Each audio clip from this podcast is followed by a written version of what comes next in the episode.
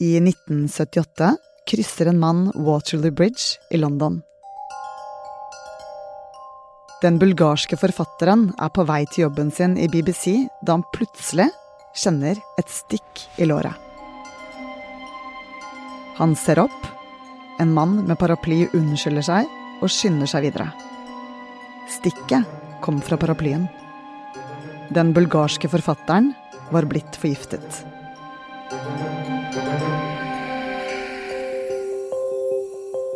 Forgiftninger var ikke uvanlig under sovjettiden og den kalde krigen, og i dag er det fortsatt en metode som blir brukt. Du vet Roman Abramovic, han styrtrike russeren som nylig måtte selge fotballklubben Chelsea? Denne uken kom det meldinger om at han skal ha blitt forgiftet. Og det under fredsforhandlingene mellom Russland og Ukraina. Hvorfor skulle han en russisk oligark bli forgiftet? Du hører på Forklart fra Aftenposten. Jeg heter Synne Søhol, og i dag er det torsdag 31. mars. Det pågår fortsatt eh, harde kamper og bombinger rundt omkring i Ukraina, men likevel så har verdens øyne vært rettet mot forhandlingsbordet i Istanbul denne uken. Og Gina Grieg Risnes, du er journalist her i Aftenposten og har vært flere runder i Ukraina for å dekke krigen. Eh, hvordan går fredsforhandlingene mellom Russland og Ukraina nå? Både Ukraina og Russland sier at det har vært positive signaler fra de siste forhandlingene. Russland har bl.a. lovet å trappe ned angrepene, men Ukraina har sagt at de kommer ikke til å roe ned forsvarsevnen sin. Eh, og president Zelenskyj også understreket at selv om Russland lover å trappe ned angrepene og kommer med positive signaler og fagre løfter, så overdøver ikke det eksplosjonene fra russiske granater. Ja, kan man stole på at Russland vil trappe ned, da? Det vil nok de aller færreste tro før de faktisk ser det. Og senest forrige uke så lovet Russland at de ville fokusere på Donbas, helt øst i landet. Men likevel så har Russland fortsatt å bombe lenge vest i landet. Men det var på ingen måte en selvfølge at forhandlingene skulle komme dit de er nå. For blant fredsmeglerne satt også den russiske oligarken Roman Abramovic. Og 3. mars skal det ha skjedd noe høyst uvanlig under fredsforhandlingene. Abramovic og to ukrainere de ble syke etter møtet.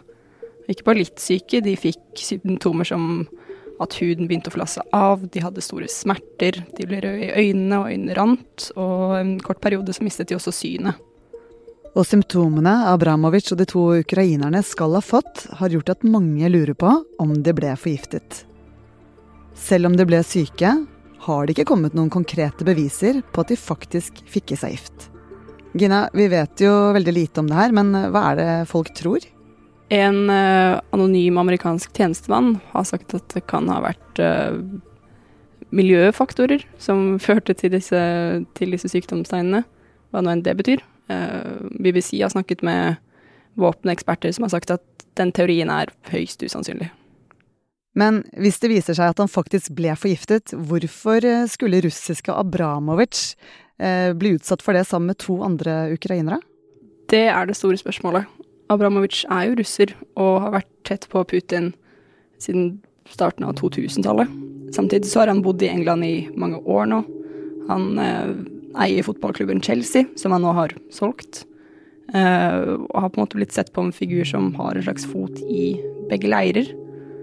Samtidig så ble han sanksjonert tidligere denne måneden av EU og Storbritannia pga. hans forbindelser med Putin. Dette er bånd han selv har nektet for. Så er det også uklart hvor stor rolle han egentlig spiller i forhandlingene. En av Bramovics talspersoner har sagt at hans innflytelse er begrenset. Men uh, den ukrainske presidenten Zelenskyj har bedt USA om å vente med å sanksjonere Abramovic fordi han kan spille en viktig rolle for å få på plass en fredsavtale.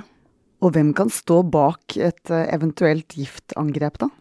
Den nederlandske gravegruppen eh, Bellingcat og Wall Street Journal, som først rapporterte om dette angivelige giftangrepet, de har pekt på at det er russiske støttespillere som står bak. Men det har Kreml nektet for. Og hva kan motivet være? De som mener at det er russiske støttespillere som står bak, de peker på at målet kan ha vært å hindre fredsforhandlingene, eller sabotere dem. Eh, nøyaktig hvordan er veldig uklart. Det kan ha vært for å ta fokus vekk fra fredsforhandlingene, siden de fikk mye oppmerksomhet i starten av mars. Eh, eller rett og slett for å skremme ukrainerne fra forhandlingsbordet. Men dette er veldig usikkert. Vi vet ikke helt sikkert om noe i det hele tatt har skjedd, og hva det eventuelle målet har vært. Og nå da, hvordan eh, går det med de tre som ble dårlige? Det virker som det går bedre med dem nå. Vi vet i hvert fall at uh, Abramovic er tilbake uh, i forhandlingene som har pågått denne uken. Så han var syk noen uker, men nå er han tilbake på bena. Dette skjedde jo i starten av mars, og nå er vi i slutten av måneden. Hvorfor ble det ikke kjent før denne uken? Det kan ha vært for å holde det hemmelig. Uh, det kan ha vært for å beskytte fredsforhandlingene. Det er veldig mange spørsmål her og veldig få svar, for det kommer rett og slett veldig lite informasjon. Og det skrives veldig lite om hva som kan ha skjedd, rett og slett fordi vi ikke vet. Og i tidligere forgiftningssaker har det vært mye fokus på at man må få tak i disse blodprøvene eh, etter forgiftninger. Men eh, vi aner ikke om eller når det kommer til å komme nå, fordi det nektes for i begge leirer at det har vært noe forgiftning i det hele tatt. Ja. Det er som sagt lite informasjon som har kommet ut om denne hendelsen. Men om det likevel skulle vise seg å være et giftangrep, vil det ikke akkurat være unikt i russisk historie. Det kan være et paraplystikk i låret, en parfymedusj eller en tekopp på flyet.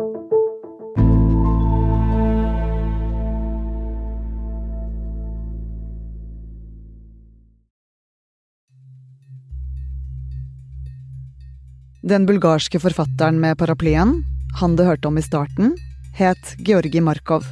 Og han hadde skrevet teatermanus der han gjorde narr av kommunismen. Da han krysset broen i London denne dagen og kjente et stikk i låret, fikk han i seg giften risin. Risin har ingen motgift og gir indre blødninger og ødelegger organer. Markov døde tre dager senere. Det er fortsatt usikkert om det var bulgarske eller sovjetiske agenter som tok livet av ham. Forfatteren er langt fra alene. Også fra nyere tid finnes det flere lignende eksempler. Anna Politkovskaja var en russisk journalist. Og i 2004 så prøvde hun å få tak i et fly for å dra og dekke terrorangrepet mot barneskolen i Bestland. Det var mange som prøvde å komme seg dit. Hun slet med å finne et fly. Til slutt så kom det en slags politimann bort og sa at de hadde skaffet et fly til henne. Og da hun gikk om bord, så satt det det hun selv skrev var eh, tre agenter som så på henne som FSB-agenter vanligvis gjorde. Senere skrev hun selv at hun drakk en kopp te på flyet, og ti minutter senere så ble hun veldig dårlig. Hun eh, svimte av. Det siste hun husket, var at en flyvertinne ropte hold deg fast, vi lander snart. Eh, det neste hun husket, var at hun våknet på et sykehus, og at det sto en sykepleier over henne og hvisket at de hadde prøvd å forgifte henne. Man vet ikke om Anna Politkovskaja ble forgiftet. Det er noe hun selv hevder, og det finnes ingen bevis. For denne drapsmetoden har én stor fordel. Den er veldig vanskelig å spore. Men den har også noen ulemper. Mange mener jo at gift som våpen er en ganske utdatert metode, fordi det er komplisert. Du må være der fysisk for å bruke våpenet. Det er rett og slett litt tungvint. Ja, Hvor effektivt eh, er gift som drapsmetode? Vi har mange eksempler på at det er ikke alltid giften som dreper ofrene. Anna Politkovskaja, for eksempel, hun døde ikke i det hun mente var et giftangrep. Men hun ble skutt utenfor leiligheten sin to år senere. Selv om flere personer ble dømt for å ha skutt og drept journalisten, er det ingen som har røpet hvem som beordret drapet. Når det gjelder gift, er dette en metode som er enda vanskeligere å spore. Et nyere offer for dette var dobbeltagenten Sergej Skripal. Ja, i 2018 så satt den eh, pensjonerte dobbeltagenten på en eh, benk med datteren sin i Salisbury i England. Eh, de ble funnet av noen som gikk forbi, eh, og begge hadde besvimt eh, og var kjempesyke. Så de ble tatt til, til sykehuset, og i etterkant så ble det konkludert med at de hadde blitt forgiftet. Senere ble det de mente var våpenet funnet, en parfymeflaske som skal ha blitt sprayet på dørhåndtaket til Skripal. Og denne parfymeflasken inneholdt da nervegiften Novichok. Novichok er en ekstremt farlig nervegift. Selv om både den tidligere dobbeltagenten og datteren overlevde angrepet, ble han livstruende skadet og måtte ligge på sykehus i flere måneder. Novichok ble laget i Sovjetunionen eh, på 1970-1990-tallet. Og de russiske forskerne som lagde denne giften, mente at det var den aller dødeligste giften som noensinne hadde blitt laget. Et eksempel på det er Skripal, da. Den, en av de første politimennene som kom på stedet. Han ble også syk, ikke fordi han hadde tatt på giften selv, men fordi han hadde vært i nærheten av Skripal som var forgiftet. Eh, og fordi Novichok ble laget under Sovjetunionen, så er det mange som tenker at hvis du er forgiftet av Novichok, så er det på en måte signert hilsen Russland. Men eh, det er ikke nødvendigvis alltid tilfellet, det heller. Eh, for selv om det er, var Sovjetunionen og Russland som utviklet giften, og i gåseøyne perfeksjonerte den, så er det også kommet meldinger om at Iran også har prøvd å utvikle lignende gifter. Så det gjør det jo vanskelig å konstatere helt sikkert da, at det er Russland som står bak når den brukes. Likevel så blir Novichok sett på en gift som tilsvarer en signatur fra Russland, nærmest. Men uh, er det ikke egentlig ganske lett å bli ferska da, hvis uh, det bare er Russland og kanskje Iran som uh, bruker denne giften? Jo, men hvis poenget er å skremme, så kan det være en fordel. Vi ser ofte at det er kritiske journalister eller avhoppere eller regimekritikere som har blitt forgiftet. Så hvis målet er å sende et budskap til andre om at ikke gjør sånn som disse menneskene har gjort, da kan det kanskje være en fordel at det er en pekepinne på hvem som har stått bak, selv om det ikke kan bevises. Som for eksempel det som skjedde med Aleksej Navalnyj. Han anklaget russiske myndigheter for valgfusk og ble regnet som en av Putins største politiske utfordrere.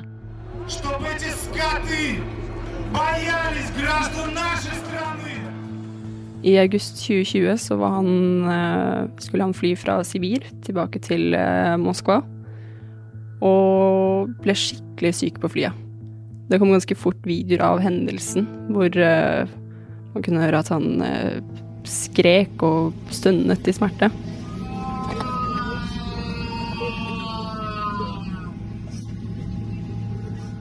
Til slutt så måtte flyet nødlande, og han ble tatt på fraktet til sykehuset. Eh, og senere så kom det frem at han hadde drukket en kopp te på flyplassen. Og Navalnyj selv og hans eh, støttespillere mente at han hadde blitt forgiftet. Senere ble han også fraktet til et sykehus i Berlin, hvor også tyske leger fastslo at han hadde blitt forgiftet med Novichok. Selv om det er russiske regimekritikere og dobbeltagenter som er blitt forgiftet, må vi understreke igjen at vi ikke vet om det faktisk er Putin som står bak forgiftningene. Det gjør vi heller ikke med Abramovic og de ukrainske forhandlerne. Og Gina, hvordan vil denne hendelsen påvirke fredsforhandlingene fremover? Det er ikke sikkert at det kommer til å få noen konsekvenser i det hele tatt. Denne uken har vi jo sett at fredsforhandlingene har fortsatt, og det har kommet positive signaler ifølge både Russland og Ukraina. Men uh, samtidig så har de ukrainske forhandlerne fått streng beskjed om at de skal ikke spise noe, ikke drikke noe, og aller helst ikke ta på noe i forhandlingsrommet.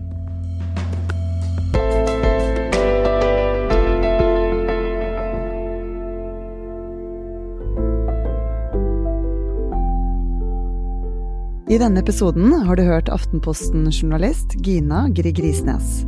Lyden du hørte ellers, er fra nyhetsbyrået AP og Insta-kontoen til DJ Pravlen.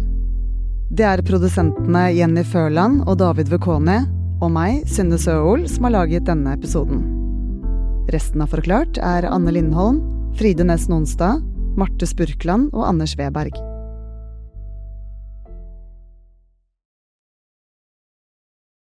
Hei, jeg heter Trine Eilertsen og er sjefredaktør i Aftenposten. Krigen i Ukraina har allerede forandret verden og Europa. Vi i Aftenposten beskriver, forklarer og analyserer, og det skal vi gjøre i mange år fremover. Men akkurat nå dekker vi krigen ved å være i Ukraina. Vi verifiserer bilder og videoer, vi leter etter egne kilder som kan bekrefte det som skjer på bakken. Vi er der selv. Hvis du vil følge med på dette fremover, må du gjerne lese Aftenposten.